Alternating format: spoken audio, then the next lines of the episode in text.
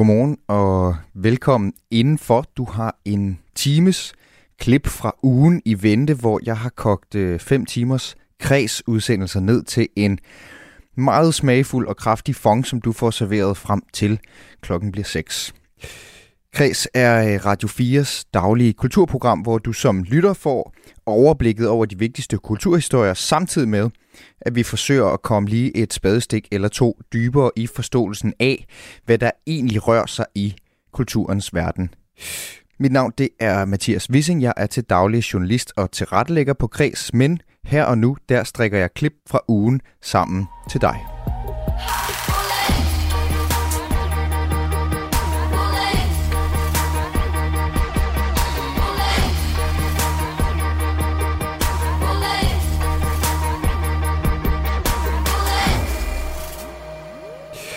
Jeg vil gerne starte med en lille snip fra vores øh, faste format på Kreds, det der hedder Stjæl som en kunstner.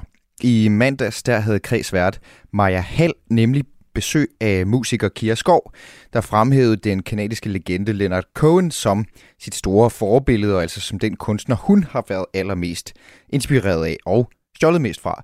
Men det klip, jeg vil spille for dig, det handler om, at man faktisk også kan være inspireret af en by, selveste L.A. Jeg boede i Los Angeles, da jeg var helt ung. Øh, jeg flyttede til Los Angeles, da jeg var 17 år, og startede mit første band der. Og, øh, og der, der, det var ligesom også der, hvor jeg stiftede bekendtskab med Leonard Cohen. Så på den måde kan man binde en sløjfe, men derudover, så tror jeg ikke, øh, at man kan sådan forbinde det med spiritual yderligere. Nej, fordi jeg tænker også, Los Angeles er jo alt muligt. Super ja. multikulturel by i virkeligheden ja. egentlig. Men nu siger du ja, du gør det som 17-årig, og da du rejser ud i verden der, der gør det jo faktisk med drømmen om en musikkarriere. Mm. Altså, hvornår vidste du, at det var det, du skulle være? Jamen, jeg, har, altså, jeg begyndte at synge sådan for alvor der, da jeg var der, lige i starten af teenageårene. Og så tror jeg, ligesom det var der. Altså, jeg var til, min, jeg var til en Prince-koncert, da jeg var 11 år gammel. Øh, og der, det var, det tror jeg, det var sådan virkelig en, øh, en revelation på en måde. Sådan en slags aha-oplevelse, at man kunne gøre sådan noget der. Ja. Man kunne stille sig op på en scene, og, og verden blev større på en eller anden måde. Ikke? Det åbnede ligesom for loftet at have den oplevelse som sådan en meget ung pige. Så det tror jeg, det sådan havde sådan en transformerende kraft for mig. Så jeg tror, det var siden den koncert, at jeg for alvor sådan vidste, at det var det, den vej, jeg skulle gå. Og så tog jeg afsted, da jeg var meget ung. Så var det jo ligesom, kan man sige, på en måde satsede jeg hele butikken, ja. fordi jeg gik ud af 9. klasse, og daskede jeg lidt rundt og spillede lidt og arbejdede lidt, og så tog jeg så til USA, og så kom jeg hjem otte år efter og dannede Kindred Spirits. Ja. Som jo så slog hjem med her, herhjemme i Danmark. Og så senere så gik du solo. Ja. Men når jeg så kigger ned på din diskografi, ja. så har du jo, altså, det er jo næsten altid samarbejder på en eller anden måde. Ja. På en eller anden måde, altså en stor samarbejdspartner med dig, eller i hvert fald har hjulpet dig med rigtig meget musik, det har jo været din afdøde mand nu også, ja. som vi var inde på til at starte med. Så du har ligesom aldrig givet helt slip for det der med at arbejde sammen med Nej. andre. Fungerer du bedst i fællesskab med andre, Kira? Jamen, jeg tror på en eller anden måde, at det er der, hvor jeg synes, der opstår noget spændende, som er ligesom større end mig selv, og større end det, jeg sådan selv kunne forestille mig. Altså den der overgivelse fra, at man selv laver noget, og så man ligesom overgiver det til nogle andre på en måde, hvor, hvor, man, hvor der kan opstå noget, man ikke selv kunne have forestillet sig. Det tror jeg, det er det, der bliver ved med at være spændende for mig. Altså, det er jo meget forskelligt, hvordan kunstnere arbejder, og hvordan sådan, øh, sangskriver arbejder, fordi der er jo også nogen, der sådan meget kan man sige, kontrollerer i den der proces, og har det sådan helt tæt ind til kroppen, hvordan det skal lyde, og hvordan det skal være. Og på en måde, så synes jeg ikke, det er så interessant. Jeg synes, det er sjovere, eller mere sådan øh, udviklende for mig, at have de her kreative møder, hvor, ja, hvor der sker noget uventet, og det er et stort kreativt møde, som er enormt vellykket. Det er Spirit Tree. Tusind tak for det album, og tak fordi, at du var med i Kreds til at dele ja. lidt ud af dine inspirationskilder.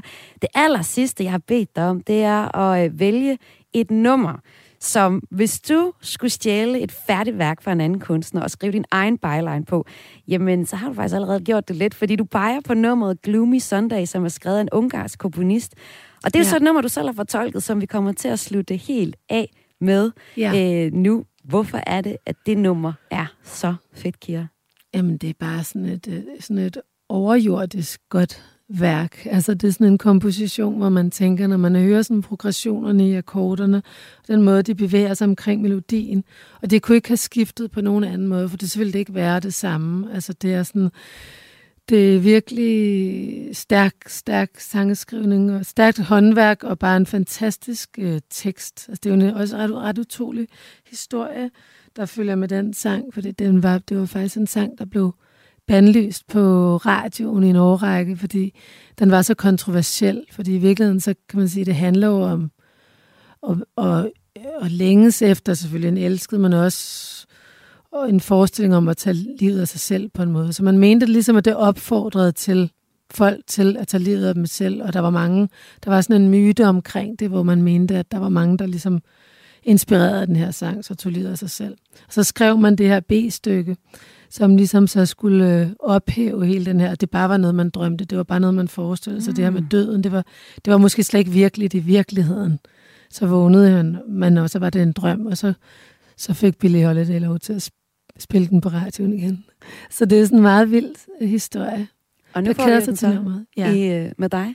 Kjærskov, ja. tusind tak, fordi du var med. Selv tak. Og her er det Gloomy. Sunday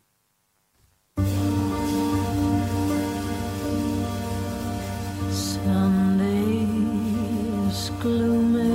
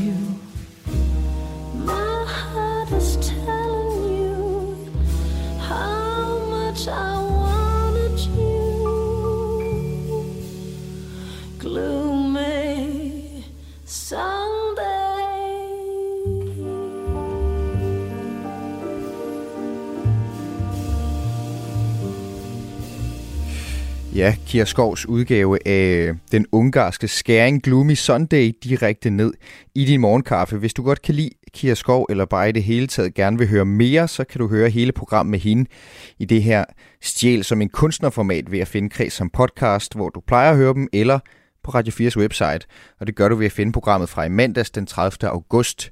Og der handler altså ikke så meget kun om L.A. og Kira oplevelse med at bo der, som det handler om, hvordan hun er inspireret af Leonard Cohen, som altså er det store forbillede for hende. I Aarhus der er der festuge en lille smule nu, og i den anledning der har Kreds været så heldig at få lov til at lave en livesending fra Klostertorv i Aarhus C. Det skete under overskriften, hvordan kan kulturen hjælpe os ud af corona? Og det skete med et øh, meget veloplagt panel bestående af musiker Kaiser, forfatter Mads Mygin og kulturkonsulent i Region Midtjylland Mikkel Ottorv. Her får du lige et klip fra den øh, meget varme dag, det var i tirsdags fra en scene midt i Aarhus. Når jeg tager det her emne op om kunst og sundhed i dagens program, så er det fordi, vi både her i Danmark, men også internationalt på verdensplan har fået dårligere mental sundhed under coronapandemien. I, for eksempel, der er en milliard undersøgelser, der viser det. En, jeg synes var ret interessant, det er fra juni til august 2020, så blev en stor tværeuropæisk undersøgelse af den mentale, sundheds, øh, mentale sundhed foretaget. Over 50.000 europæere fra 26 lande over 50 år blev interviewet over telefon, og undersøgelsen viser, at 30 procent af deltagerne fortæller, at de oplever depression eller angstsymptomer, og 70 procent af de 30 procent de har oplevet det på grund af corona. Men som vi allerede har snakket med Mikkel om, så kan kultur hjælpe os og hjælpe os ud på den anden side. Og det skal vi tale mere om nu, fordi øh, mine to kulturhoveder, det er Karen Stens og Mads Myggen her.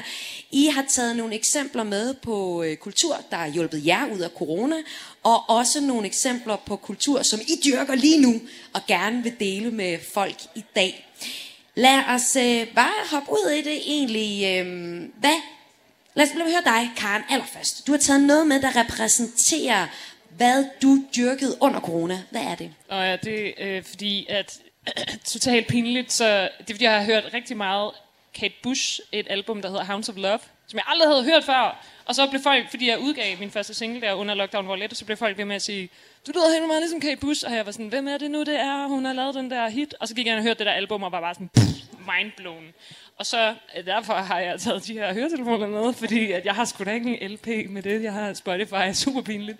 Jeg prøvede sådan at finde den ude i byen, men der var ikke nogen, der havde den. Så det, det blev nogle flotte høretelefoner.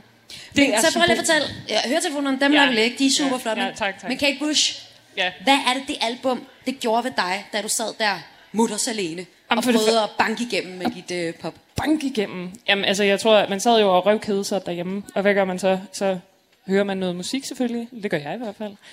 Og så hører jeg det der album, og så hører jeg det igen, og igen, og igen. Altså, det er en af de bedste album, der nogensinde er lavet øh, i min optik. Øhm, men for det første, så er jeg jo øh, elektronisk producer selv, og laver mine egne ting øh, til dels. Øhm, og jeg anede ikke, at hun var så sindssyg. Hun er en af sådan, de første elektroniske kvindelige musikere, der har været. Og det vidste jeg ikke. Det er sådan, folk er sådan, øh, Bjørk, og sådan noget. Jeg er sådan, nej, Bjørk go home, mand. Hun er for sindssyg. Hun laver alle mulige mærkelige ting på det der album. Det er sådan dybt nøjeren. Udover Ja, så der er Kate Bush, hun er måske en, vi kender fra Running Up That Hill, Ja. og bare sådan, som er sådan meget let tilgængeligt Ja. popmusik. Men i virkeligheden, så har hun et stort musikalsk katalog, der også er elektronisk. Ja, og så har hun også bare i øvrigt helt vildt meget dybde. Jeg finder så ud af, det her album er sådan lavet i to dele, vold 1 og vold 2. Anden del handler åbenbart om en kvinde, der er ved at drukne. Så der er sådan inde i narrativet, og hver sang har ligesom en fortælling.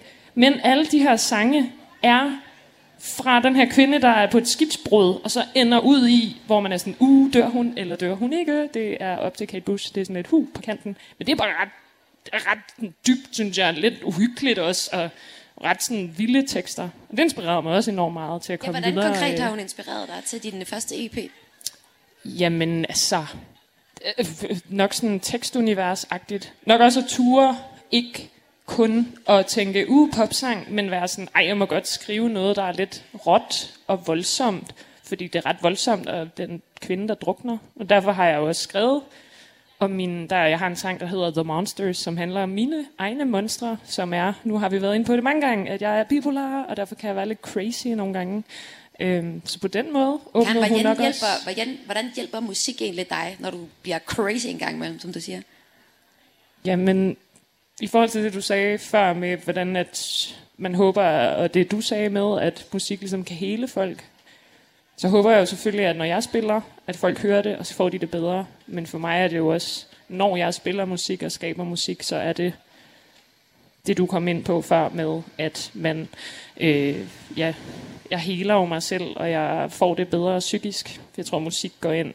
Øh, du har sikkert nogle kloge øh, Altså, videnskabelige... Kate Bush, hun er en af de allersundeste musikere. Altså, det er Det sindssygt sundt at høre Kate Bush. Bjørk, ikke helt så sundt. Det er Ej, ikke mere så sundt. nede i Leopsteg. Altså, guldrød, det er virkelig Kate Bush. Fuldstændig. Det har jeg lyst til at få, få kan vi lige få uddybet det? Jeg kan vi ikke få uddybet, hvordan det hænger sammen. Ej, ja, ej, det holder ikke helt. Nå, okay. Okay, Pis. ikke helt. Nå. Ej. Mads Myggen, du har også taget noget med som øh, en kulturoplevelse, som du har brugt under corona Ja. til at få det fedt Ja. igen med. Ej, her må man altså gerne spidse ører, fordi det, det er et fuldstændig vildt originalt værk. Øh, Det hedder Spears, og det er lavet af en digter, der hedder Morten Søndergaard, en af de fornemmeste, vi har herhjemme, og to musikere, Jakob Sveppenhøjser og Emil Thomsen. Det er den her øh, sten, som har stående her. Den kan man ikke se i radioen, det ved jeg godt. Øhm, det findes, Er det en rigtig sten? Altså, du må, du må prøve meget forsigtigt at løfte. Det, Okay, jeg kan slet ikke løfte det med kan en man hånd. nemlig ikke. Det er lavet af italiensk marmor. Men prøv lige at den her den om, sten. der er sådan noget lyd bagpå. Og man, og man må ikke tabe den, fordi der, der, der er simpelthen lavet, øh, siger jeg, sådan helt pædagogisk til alle, der kunne finde på at løfte. Ikke kun til verden. Man kan slå folk ihjel med den Det kan man stenbog. faktisk. Altså, øh, den er skåret ud af en klippe i, øh, i Italien, og så er der lavet det her værk, som man kan se, man kan sætte sine høretelefoner ind i, og så er der simpelthen en, øh, en øh, lyd, en collage derinde i, som man så hører digteren Morten Søndergaard gå ind på sådan en helt øh, vild dystopisk vis i et mørkt bjerg, hvor han ikke kan se noget som helst overhovedet, og så øh, fridigter han ligesom, hvad han ser, hvad han hører og hvad han forestiller sig, mens han går rundt inde i det her totalt kulsorte bjerg og lydløse bjerg. Og så er der lavet en musikside til af Sveppenhøjser Thomsen, som altså på alle mulige måder er det et vanvittigt originalt værk. Man kan også nu købe sådan en helt almindelig og god øh, LP, hvis man vil høre øh, værket. Men, men de her enkelstående sten er, er enkelstående sådan, at der findes ikke nogen ligesom den. Man kan også få den i meksikansk onyx, hvis man kender den sten. Så de kan se ud på alle mulige måder og i alle mulige former, men hvert værk er jeg fuldstændig originalt. det Kender du ikke meksikansk onyx? Ej, jeg vil have det nu. Okay, jeg køber Gør jeg, have det. jeg kan bare godt lide at sige meksikansk onyx. Derfor har jeg Er gjort det det tre gange. på din næste bog? Kunne den nemlig godt hedde den næste. Så det er bare et fuldstændig vildt værk, som man kan sidde og forsvinde totalt ind i. Man sætter nogle høretelefoner i, og så er man på vandring inde midt i et bjerg med en digter, mens musikken ligesom svæver omkring, og det synes jeg bare er et vanvittigt originalt værk. Det må man i den grad nok sige. Altså en, en ordentlig mastodont af et værk på mange måder. Men jeg har tusind spørgsmål, når du siger det, fordi fridækning, hvad, hvad er det? Jamen, det er, jo en Er det så lidt rap-agtigt freestyle? Nej, men, jamen, på en måde, ja, lidt jazz-impro-agtigt. Ja. Altså, det er ikke skrevet tekst, som bliver læst op. Han går rundt derinde. Jeg har endda et billede af digteren, der ligesom har taget sådan en rumdragt-agtig ting på. Og så går han rundt med en lille mikrofon, og så siger han, hvad han tænker på, og hvad han hører af lyde, eller hvad han synes, han hører af lyde. Og, øhm, og så er det, Det er han ret god til, så gætter jeg Præcis. på. Ja. Men Altså- hvad er det, du får ud af det? Altså, da du under lockdown ligesom dykker ned i det her værk, tager høretelefoner på og stikker den ind i den her sten. hvad, hvad får du så ud af det? Jamen, det kunne måske, hvis man ville være sådan en lille smule øh, dristig, sige, at det godt kunne være en slags billede på, hvordan nogle mennesker og mig selv havde det under den her lockdown. Altså, at man følte sig som, man gik rundt inde midt i et bjerg nogle gange, og man var i tvivl om, om der var lyde, eller om det var noget, man bildte sig ind, og man så det, man så, og man fik nogle tanker og nogle associationer, man ikke ville få normalt, når man har et stramt program og går i skole, eller på arbejde, eller optræder, eller hvad man gør.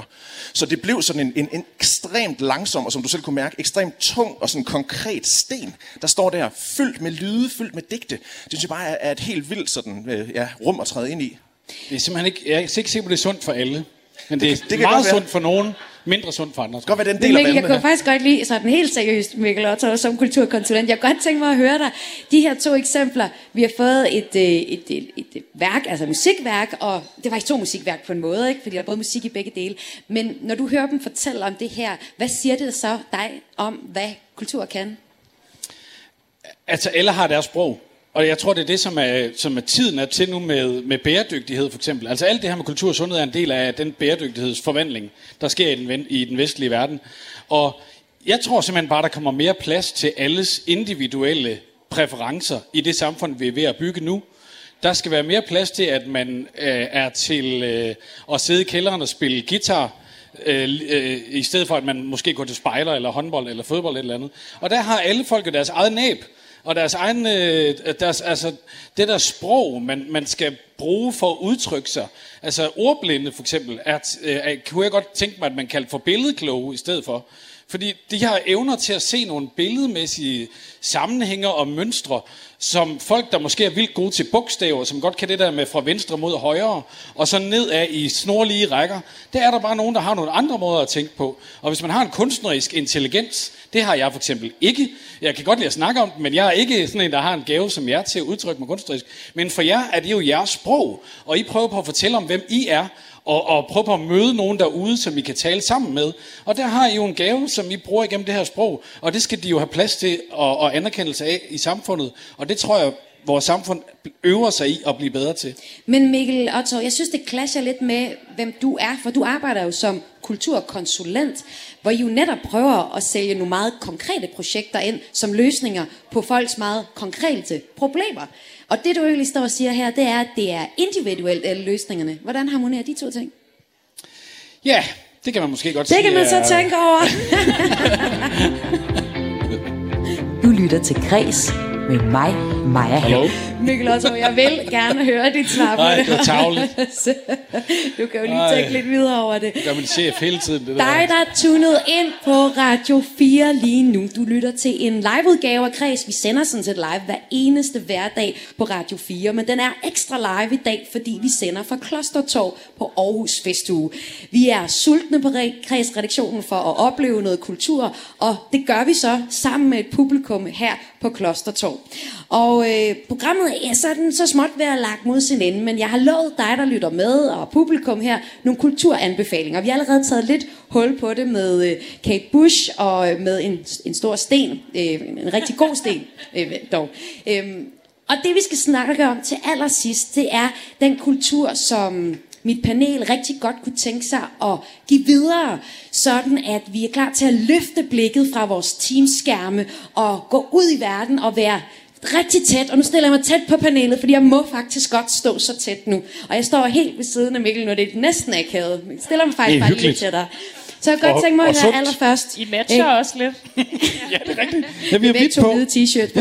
Karen, nu har jeg stillet mig ved siden af Mikkel, men øh, i virkeligheden skulle jeg komme tæt over ved siden af dig. Nå, hvor hyggeligt. Øh, Karen, kommer du ikke her? Jo, jo, Helt jo. frem på scenen, Lige fordi vi må stå så tæt jo. Men jeg sveder altså rigtig meget. Ja, det gør jeg virkelig Det også. Der er 1000 grader varmt i det her Men det telt. ligger under paraplyen, ikke? Det er super. Ja. lækkert. Karen har fået en paraply, fordi der er så varmt i det her telt, og Karen er rødhåret, ja. og der skal man jo passe på de rødhårede. Karen, hvad kunne du godt tænke dig at anbefale her til sidst i programmet? Jamen, altså, jeg, vil du lige holde min paraply? Det kan du tro, nu når jeg står Altså, så jeg tæt. har jo taget den her bog med, men var fordi, nu sagde du, nu skal vi ud og være tætte. Så det er ikke så tæt i virkeligheden. Nej. Men det var din tilrettelægger, der sagde, at det er en pissegod bog.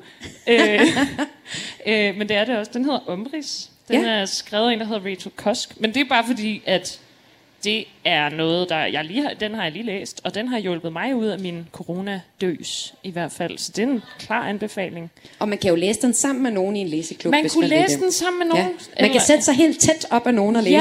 den. Ja. Sådan lige snige ned og sætte sig siden af nogen i Mølleparken helt tæt. Det lyder lækkert. Karen, prøv lige at fortælle omrids af Rachel Kosk. Hvad ja. er det for en bog? Det er en vildt mærkelig bog. Ja. Først så sådan, øh, altså øh, i medierne, så var alle sådan, da den kom ud for et par år siden, sådan, oh my god, det er sådan den nye roman, Pff, det er for sindssygt, der er aldrig nogen, der har skrevet sådan her før, og jeg var sådan, okay, det bliver jeg nødt til at læse. Og så har jeg også tænkt, okay, tag det roligt, det er ikke fordi, det er fuldstændig mindblowing. Men den er ny på den måde af, der er den her hovedkarakter, og hun fortæller faktisk ikke om sig selv. Det er ligesom hendes narrativ, men hun er sådan en, så taler hun hele tiden med andre mennesker, og så betror de sig til hende med alle mulige af deres ting. Og så ender det med, at det er en masse små historier igennem hele bogen, om alle de mennesker, hun møder. Så det er slet ikke hende, man får meget lidt at vide om hende, og det er selvfølgelig derfor, den hedder Omrids. Prøv at se en flot bog, det også er. Ja, det kan I ikke se inde i radioen, men det kan dem have set. Der er en konkylie på, og ja. Øh, Og den her bog, den virker som en bog, der sådan på en måde er nem at læse egentlig. mega nem at læse, fordi Og det man, er måske meget rart. Det er nemlig super lækkert. Man ja. flyver bare lidt igennem den. Men sådan, man skal ikke tænke så meget, netop fordi den er ikke sådan, øh, den er ikke sådan plotbaseret. Man sidder ikke og græder. Og sådan. Det kan selvfølgelig godt være, at man er sådan en super katarsis type. Men jeg synes, det var en meget rar måde bare sådan lige at, huh, at få nogle inputs og lære en hel masse mennesker at kende ind i den her bog, fordi man får en masse mini-historier. Så det var meget hyggeligt. Tak, Karen. Tak for Ja. den anbefaling. Og Ja. vil du så ikke gå op og gøre dig klar til at spille det sidste nummer? Jo, I dag. Ej, Vil du have er vi allerede med? kommet så langt? Ja, nej, nej, der er skygge derovre ved min guitarist. så, Så det tager behøver jeg jeg ikke. Og så stiller jeg mig jo faktisk bare over til dig, Mads, nu, fordi du har også en kulturanbefaling Ja. med. Ja. Og du er lidt højere end mig, og du har Ej. jo faktisk hat på, så på en måde, så behøver jeg jo ikke at putte parasollen over dit hoved, men det er nu meget hyggeligt at stå helt tæt også. Ja. ja. Eller hvad? Er det lidt akavet for dig? Nej, nej, nej. Er du sådan en forfatter, der ikke kan lide folk, der kommer Første tæt gang på? i halvandet år, men det, jeg, jeg gør det gerne på en scene, mens der bliver sendt live. Øhm, jeg vil gerne øh, pege igen på noget, der, der forbinder musikken og lyrikken. Og øh, jeg skal i hvert fald selv ned og høre en koncert med det band, der hedder Skammens Vogn. Ja! Som kommer til Aarhus og spiller. Og øh, nu tog jeg den seneste, eller den plade, der ligger på min pladespiller lige nu med. Og det er nemlig Skammens Vogn, så det må være et tegn. Den her plade, der hedder Musik og Drøm. De har også øh, en plade for nylig. Den seneste, der hedder Kunst og Rock. Og det synes jeg bare er igen et vildt, vildt, vildt originalt band, som øh, teksterne i sig selv er små digte. Øh, forsangeren hedder Nikolaj Søjden og er, er digter og romanforfatter. Musikken er fantastisk i sig selv, får man lyst til at gå og danse af og bobbe rundt til.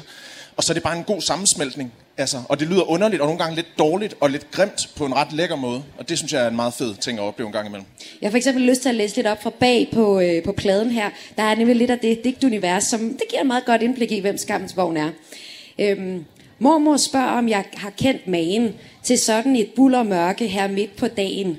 Jeg hjælper hende med at male en væg. Til aftensmad er der vin og kogte æg. Hvad synes du så noget lyrik, lyrik her kan? Jamen, Skammens Vogn først og fremmest får mig til at smile, og nogle gange endda grine. Ja. Og øh, det synes jeg er ret fedt, fordi det ikke er øh, chubang her. Her er der en eller anden sjov punchline. Det er faktisk rigtig fin lyrik. Det her det er jo sådan en nærmest klassisk digt på versefødder med rim til sidst. Og alligevel så er der hele tiden sådan en charme og sådan en, en grinerenhed, som jeg synes er helt vildt dejlig. Udover at musikken bare er lavet af nogle virkelig dygtige musikere, så det sidder lige skabet. Tak for den anbefaling også. Og jeg kan faktisk også godt lige nå at høre dig, Mikkel Ottov, hvad du godt kunne tænke dig at give videre som en kulturanbefaling.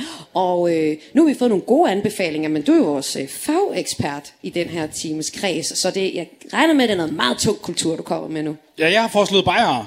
Altså Ja. store fadøl øh, vil jeg gerne have som en kulturanbefaling, og, og det, øh, det er fordi, jeg rigtig godt kan lide bajere. Og jeg kan også se, at der er nogle af jer, der sidder i gang i noget sundhed hernede i teltet, øh, og det skal I bare blive ved med. Men noget af det, der er sket under corona, det er, at vi er blevet apatiske. Altså, vi har ikke været vant til at være sammen med andre, det der med at være socialt sammen med andre. Og når vi nu begynder at være det så småt, så kan det være enormt hårdt, og man bliver faktisk ret træt af at lige pludselig skulle tale med nogen og have pænt tøj på, eller hvad man nu skal. Og der, øh, altså man skal øve sig i at være kulturel eller være sammen med nogen. Og der øh, kan jeg bare meget varmt anbefale, at man begynder at opsøge øh, spillestedernes øh, hjemmesider igen, teaternes hjemmesider, og så øh, prøve at hanke lidt op i sig selv og ringe til nogle venner, og så tage ud og opleve noget, og så få en øh, kold fad i loveni. Det er mega sundt. Anbefalingen givet videre herfra. En kulturkonsulent, der ved en ting eller to om tingene. Chris, øh, jeg har lige nogle minutter, nogle rigtig dejlige minutter igen, og det er jo øh, Kaiser, det er dig. Nu kalder jeg dig jo Karen Kaiser. Karen, det er, når jeg stiller dig seriøse spørgsmål, og Kaiser, det er, når jeg spiller dig ekstra seriøse spørgsmål som musiker. Pressure. Hvad er det for noget musik, vi skal høre her som det sidste? Det er en kæmpe banger. Ja. Det er øh, nu en, øh, en akustisk version af en kæmpe banger. Det er, jeg, den, ja, den er udgivet, ikke ligesom den anden, der er uudgivet. Øhm, den var med på min EP, den hedder Famous. Ja. Øhm, Og hvad handler det om? øh, den handler om vores generation, der er sådan, åh, vi skal være kendte og tjene en masse penge og have det nice, i stedet for bare at sige, det er okay bare at eksistere i verden. Og wow. ikke hige efter at være the shite. Og hvad skal vi lytte efter sådan ekstra efter på øh, det her nummer? Hvis vi virkelig skal have det fulde ud af nummeret. synge med på omkvædet, jeg ved ikke. Det er meget catchy. Så kan man gå hjem og høre den bagefter. Den originale version er sådan masse trommer og sådan mega smadret. Det her det er meget, meget akustisk. Vores søde Nikolaj hernede, han spiller øh, til. Jamen Kaiser, værsgo! Tak.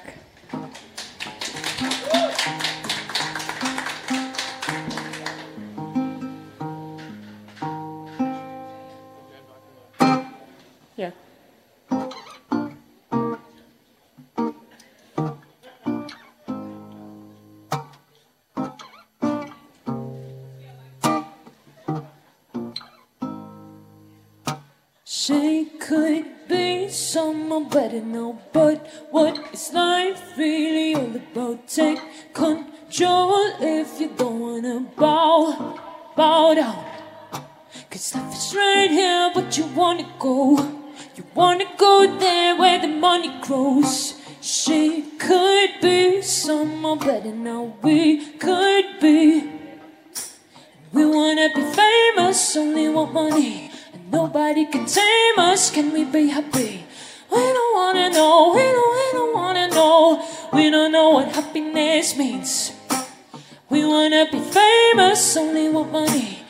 Nobody can tame us. Can we be happy? We don't wanna know, we don't, we don't wanna know. We don't know what happiness means. And he was fine when he knew that he should decide, but he didn't. So take control if you don't wanna bow, bow down.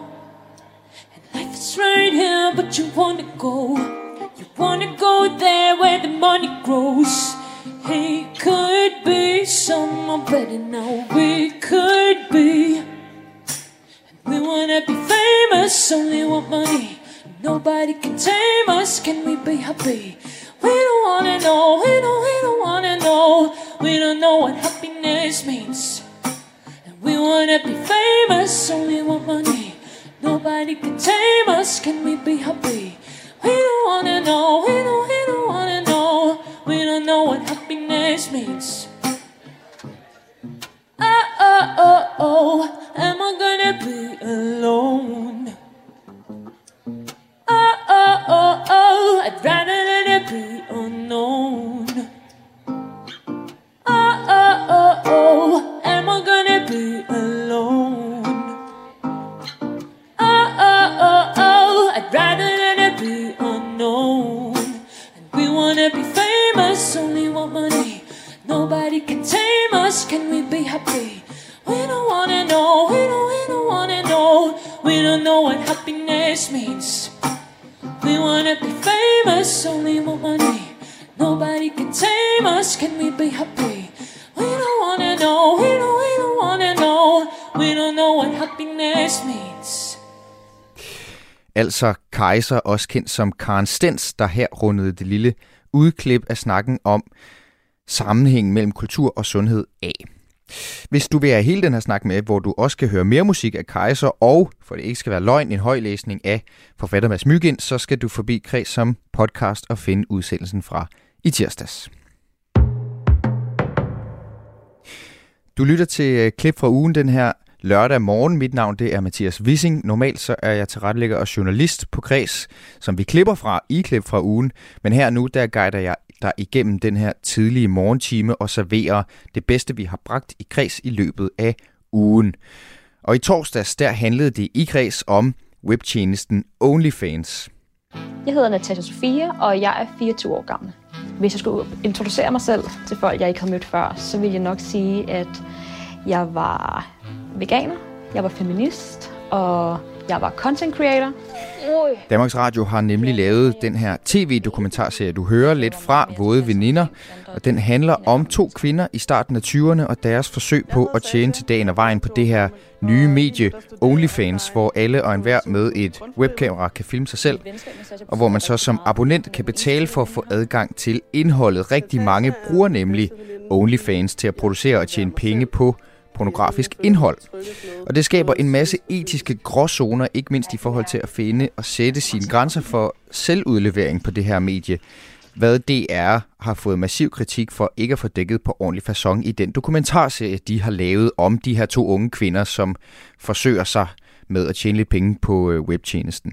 Kredsvært Maja, hun tog snakken med DR, og den kan du høre her. DR3-serien Våde Veninder handler om to unge kvinder, der hedder Sasha og Natasha. Det handler om deres forsøg på at tjene penge på at sælge pornografisk indhold af sig selv via en delvis pornografisk udgave af Instagram, nemlig websiden OnlyFans. Og øh, den serie har fået en masse hug i medierne de seneste par dage. Det er en serie, der på en eller anden måde er relevant for os alle sammen. For Sasha og Natasha bliver præsenteret som to almindelige unge kvinder, som Janne enten er eller kender til, og om de så er vores ja, kærester, veninder, søstre eller døtre. Men i stedet for at give et indblik i en kompliceret verden, hvor seksualitet og den digitale udvikling er i rivende udvikling, så udstiller den her dokumentarserie de medvirkende, lyder den massive kritik, som serien har modtaget de seneste par dage. Og nu kan jeg sige velkommen til dig, Malene Birkebæk. Du er chef for børn, unge og nyudvikling i DR Medier og står altså også bag den her serie. Velkommen til dig, Malene. Tak skal du have. Hvad vil I gerne vise med den her serie? Vores øh, ambitioner, når vi laver øh, indhold til unge, det er simpelthen altid at prøve at give et indblik i forskellige dele af unges verden. Det vil sige, at vi tager altid udgangspunkt i fænomener, tendenser, som rører sig i, øh, i, i den, hvad man sige, den verden, som vores målgruppe befinder sig i. Og øh, det kan nogle gange være udfordrende for andre at se på. Det kan også være udfordrende for unge selv, øh, fordi vi, øh, vi har jo også som mål en gang imellem at vise et blik på øh, andres unges verden, end den man selv lige står i. Så hvad skal de her 15 til 30-årige, som øh, DR3's målgruppe er, tage med sig fra øh, serien Våde Veninder? Det vi rigtig gerne vil opnå med serien, det er i virkeligheden en debat og refleksion om, hvad der sker med ens grænser, når man øh, blander øh, en cocktail af øh, penge, sex og sociale medier. For det er en tendens, der er i udvikling, ikke bare i Danmark, men i hele verden. Og øh, det har sådan set kan man sige, aldrig været lettere at tjene penge på den måde. Og, øh, og så stiller vi også spørgsmålet, flytter det øh, dine grænser, eller kommer du til at overskride dine grænser, fordi du lige pludselig står også og kan tjene penge på den måde, på en sådan relativt tilgængelig måde for, for ganske almindelige unge mennesker. Malene, du siger, at I gerne vil skabe debat. Mm. Er det lykkes? Altså, er de unge kommet til at debattere det her område? Ikke 100% på den måde, som, som vi øh, gerne har ville have det, fordi at øh, nu er det jo selv øh, lavet indledning på programmet. Øh, det har handlet meget også om kritik af selve programmet og, og måden, det er lavet på. Og, øh, og det er jo selvfølgelig aldrig formålet med vores programmer. Øh, vi vil jo rigtig, rigtig gerne have, at, at det også er selve kan man sige, præmissen for programmet, der bliver, der bliver diskuteret. Jeg vil så dog sige, at vi har jo rundt om programmet også lavet, øh, lavet andet indhold. Øh, blandt andet ligger der også på vores øh, streamingtjeneste DRTV en såkaldt explainer, som ligesom går mere ind i fænomenet OnlyFans, og hvad det i virkeligheden er, og vi har en ekspert til at fortælle om, øh, hvad der er op og ned på det. Og, og det, øh, det, det er der trods alt også en del, der har set, så forhåbentlig har det også givet noget perspektiv på det. Men, men der er ingen tvivl om, at, at det du er inde på her, kritikken af selve programmet, har selvfølgelig øh, øh, desværre, synes jeg, overskyet den debat, som vi rigtig gerne vil have. Så hvad skulle I have gjort anderledes for at få de unge selv til at debattere deres færden på nettet, hvor øh, porno også er en del mm. af den virkelighed? Jamen altså, vi, øh, vi kan altid, øh, kan man sige, blive bedre og øh, noget af det, vi kigger på her, det er jo også ligesom at sige, vi skal måske endnu stærkere øh, have skærpet præmissen i, i alt, hvad vi har kommunikeret. Det øh, har vi også forsøgt i høj grad at gøre, og jeg vil også sige, der har jo også været debat om det. Mm. Øh, men det er et meget, meget kontroversielt emne, uanset om man er ung eller gammel, mm. fordi det er et nyt fænomen, og... Øh, og jeg er selv ældre end, end målgruppen, og kan også blive chokeret. Men omvendt, så føler jeg faktisk også, at vi har en, en, en særlig forpligtelse i at fortælle om nogle af de her fænomener, og for- og bagsider af dem, øh, til, til unge mennesker, som måske, måske ikke er på vej ind i det her, men simpelthen for at få en forståelse af, hvad er det, der, øh, hvad er det, der sker. Og du har på et tidspunkt sagt til Fagbladet Journalisten, relaterbarhed er et jo ord, øh, der mm. går meget igen, når vi spørger de unge, hvad de søger i indhold. De vil gerne se hverdagsfortællinger, og hvordan uperfekte rollemodeller gebærder mm. sig i situationer, hvor de unge, som de unge så kan, kan spejle sig i.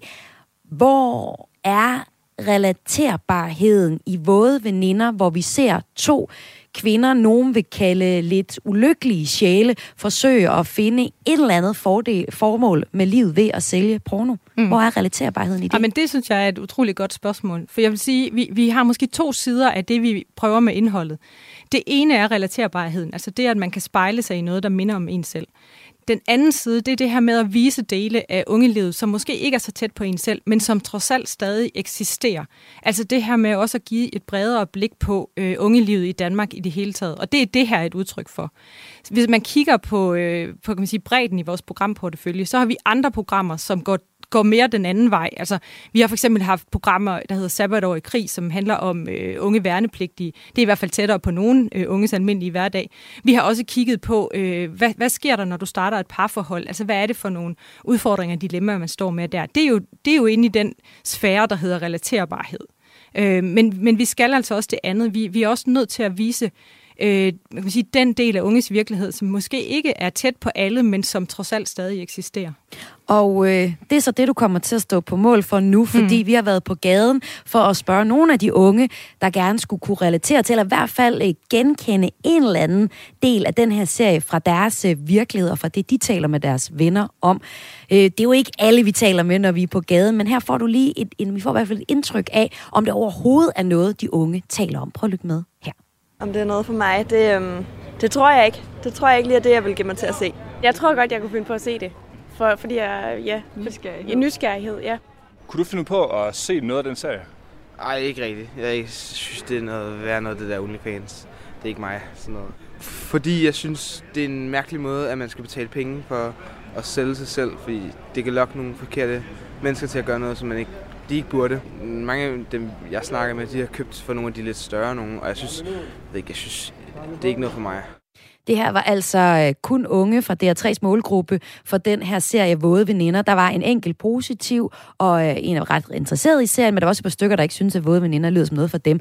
Ud fra den her, og det er jo en mini-undersøgelse, men det er jo alligevel nogle forskellige holdninger til den her serie. Har I så fat i serien? Altså er det de her respondenter, du godt kunne tænke dig, at, at der kommer, hvis I nu havde en kæmpe undersøgelse af serien? Jamen faktisk, så synes jeg egentlig, det var interessant, og det, det, det jeg tror jeg, det afspejler meget godt, hvem der ser serien, og hvem der ikke gør, fordi det er jo klart, det er ikke alle unge i Danmark, der ser den her serie. Men jeg hæfter mig faktisk ved, at øh, jeg tror ikke, der var nogen af dem, der ikke vidste, hvad OnlyFans var. Øhm, og, og det synes jeg i virkeligheden også er interessant ind i det her, fordi jeg tror, at en del af den kritik, vi får, det er også fra, øh, kan man sige, folk, der er uden for målgruppen, hvor, hvor for dem er det måske, for nogle er det helt nyt, at det OnlyFans mm. eksisterer. For andre, så øh, har de måske lige kort hørt om det. Men faktum er, at rigtig, rigtig mange unge, det synes jeg også, jeres lille bitte undersøgelse her viser, at de, øh, de ved faktisk godt, hvad det er. Nogle endda, kan jeg høre, har endda forholdt sig til, om, hvad de synes om det. Øhm, og det er jo noget af det, den debat, vi i virkeligheden gerne vil skabe. Så alene det, at de kan svare øh, som de gør på jeres spørgsmål, gør mig egentlig glad. Øh, fordi så har de jo også forholdt sig til, om det er et program for dem. Og vi, øh, vores programmer skal ikke alle sammen ramme alle. Det, øh, det er fuldstændig utopi at tro. Vi, vi skal på tværs af vores program, programportefølje øh, forhåbentlig have noget, der, øh, der mere eller mindre rammer alle. Og du har jo fuldstændig ret i det her med, ikke? hvad er OnlyFans? Altså, jeg rammer lige uden for DR3's målgruppe, og jeg er også sådan, det er ikke mere end et års tid siden, jeg fandt ud af, hvad OnlyFans mm. øh, egentlig var, og måske stadig ikke helt forstår, hvad det er. Men til dig, der lytter med, hvis du ikke aner, hvad det er, det er en hjemmeside, hvor man kan sælge indhold. Altså, jeg kan gå ind og sælge for eksempel mine brugte trusser, det er jo et eksempel på nogen, der gør det. Og så er der altså nogle fans, only fans, der kan købe det her. De kan, og man kan også sælge små hilsner, man kan sælge alle mulige forskellige ting på OnlyFans. Og det er altså noget, som når man rammer uden for målgruppen, måske ikke aner en fløjtende fis mm. om, men vi står altså med en målgruppe, der i hvert fald godt ved det. Det viser vores lille mini-undersøgelse også, fordi i forhold til, at det her skulle stå målgruppens interesse nær, så spurgte vi også, om der var nogen, der i det hele taget interesserer sig for seriens tema, altså OnlyFans. Og det var noget, der fyldte i deres hverdag. Prøv at høre her. Vi snakker om det, men det er ikke noget, som vi kender nogen, der gør det, eller, men vi ved, at der er nogen, der gør det. Jeg har også lige snakket med nogle veninder, og der snakkede vi faktisk om, at øh, vi tror ikke, at de har det så godt, dem, der laver sådan noget. Det fylder ikke noget stort, men vi snakker om nogle gange, at vi synes, det er mærkeligt, at folk de køber det der OnlyFans noget, fordi det var jo ment som en app for at finde venner og sådan noget, ligesom alle mulige andre apps. Så, og vi synes, den er forkert blevet brugt. Nej, ikke lige der, hvor jeg studerer nordisk litteratur lige nu. Øh, nej, det er det ikke.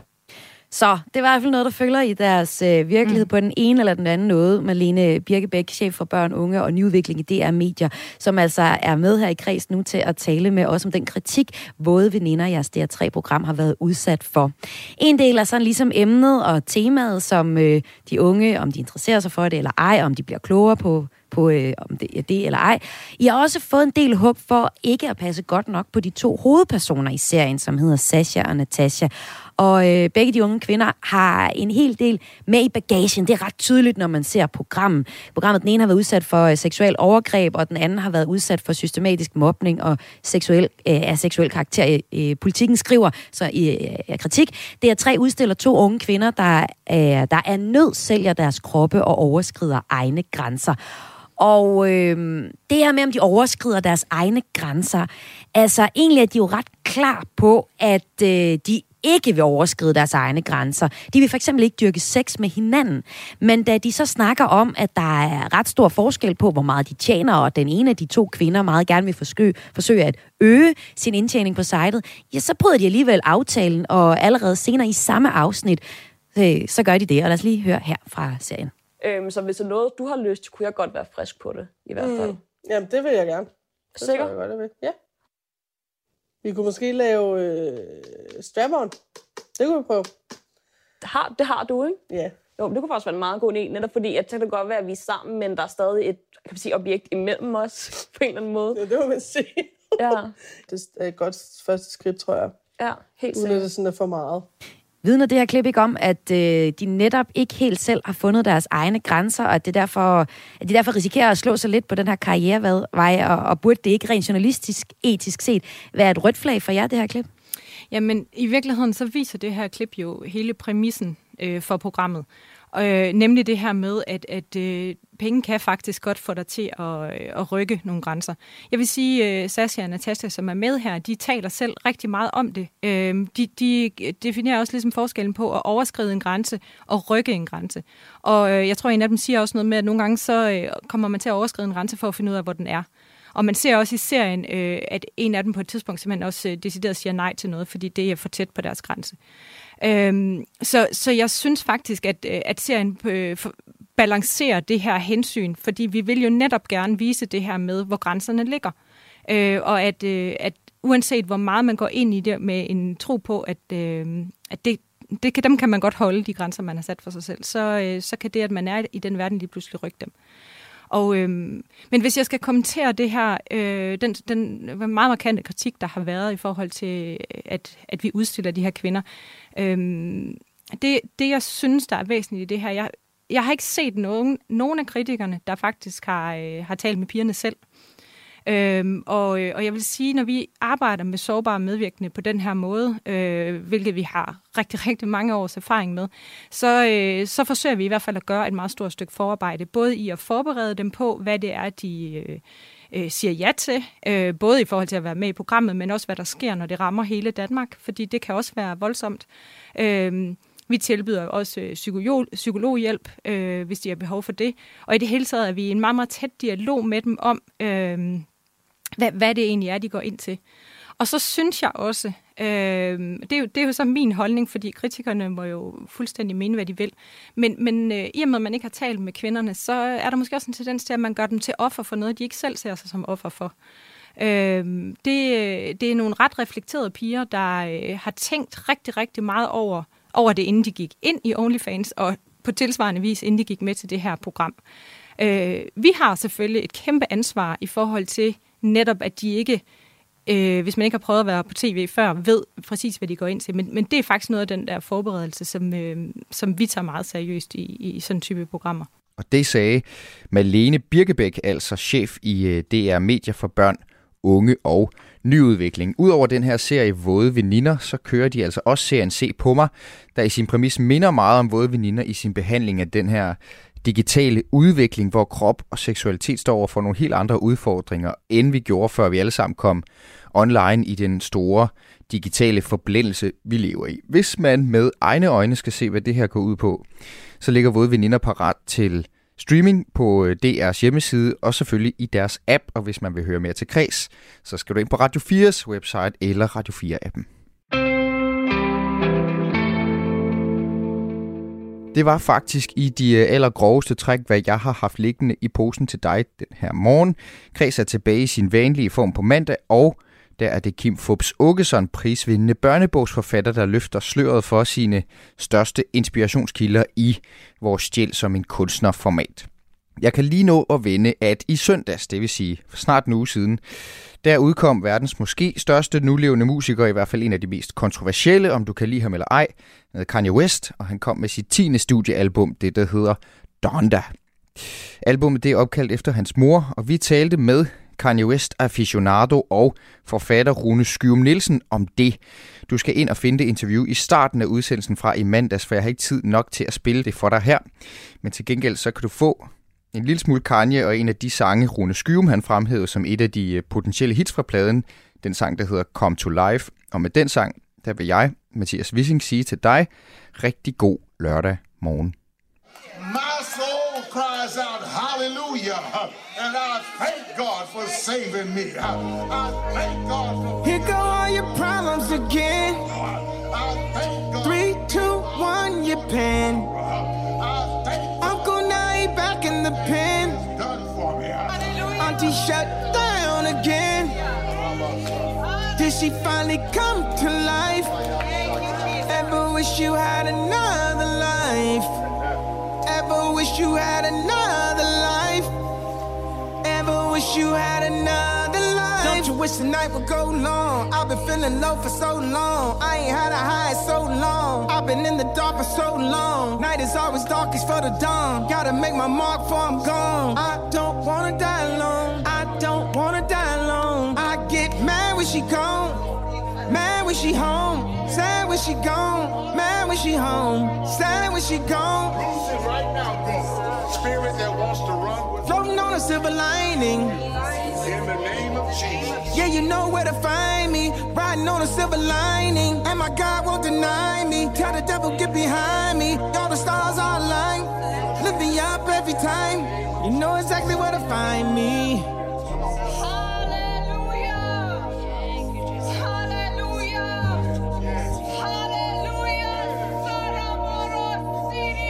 Did those ideas ever really come to life?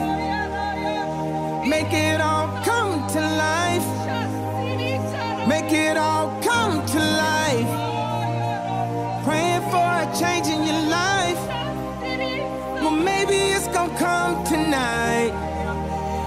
Sadness setting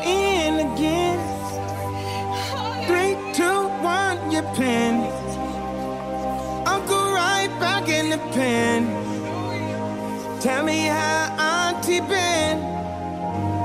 Took your thoughts and penciled them in. Should've wrote them down in pen. And maybe they'll come to life.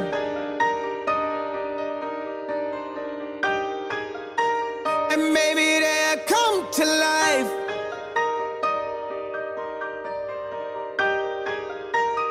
Sadness setting in again.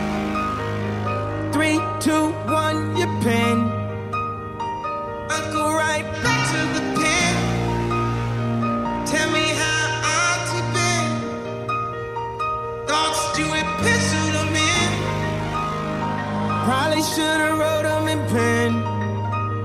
And maybe they'll come to life. They could finally come to life. They could finally come to life.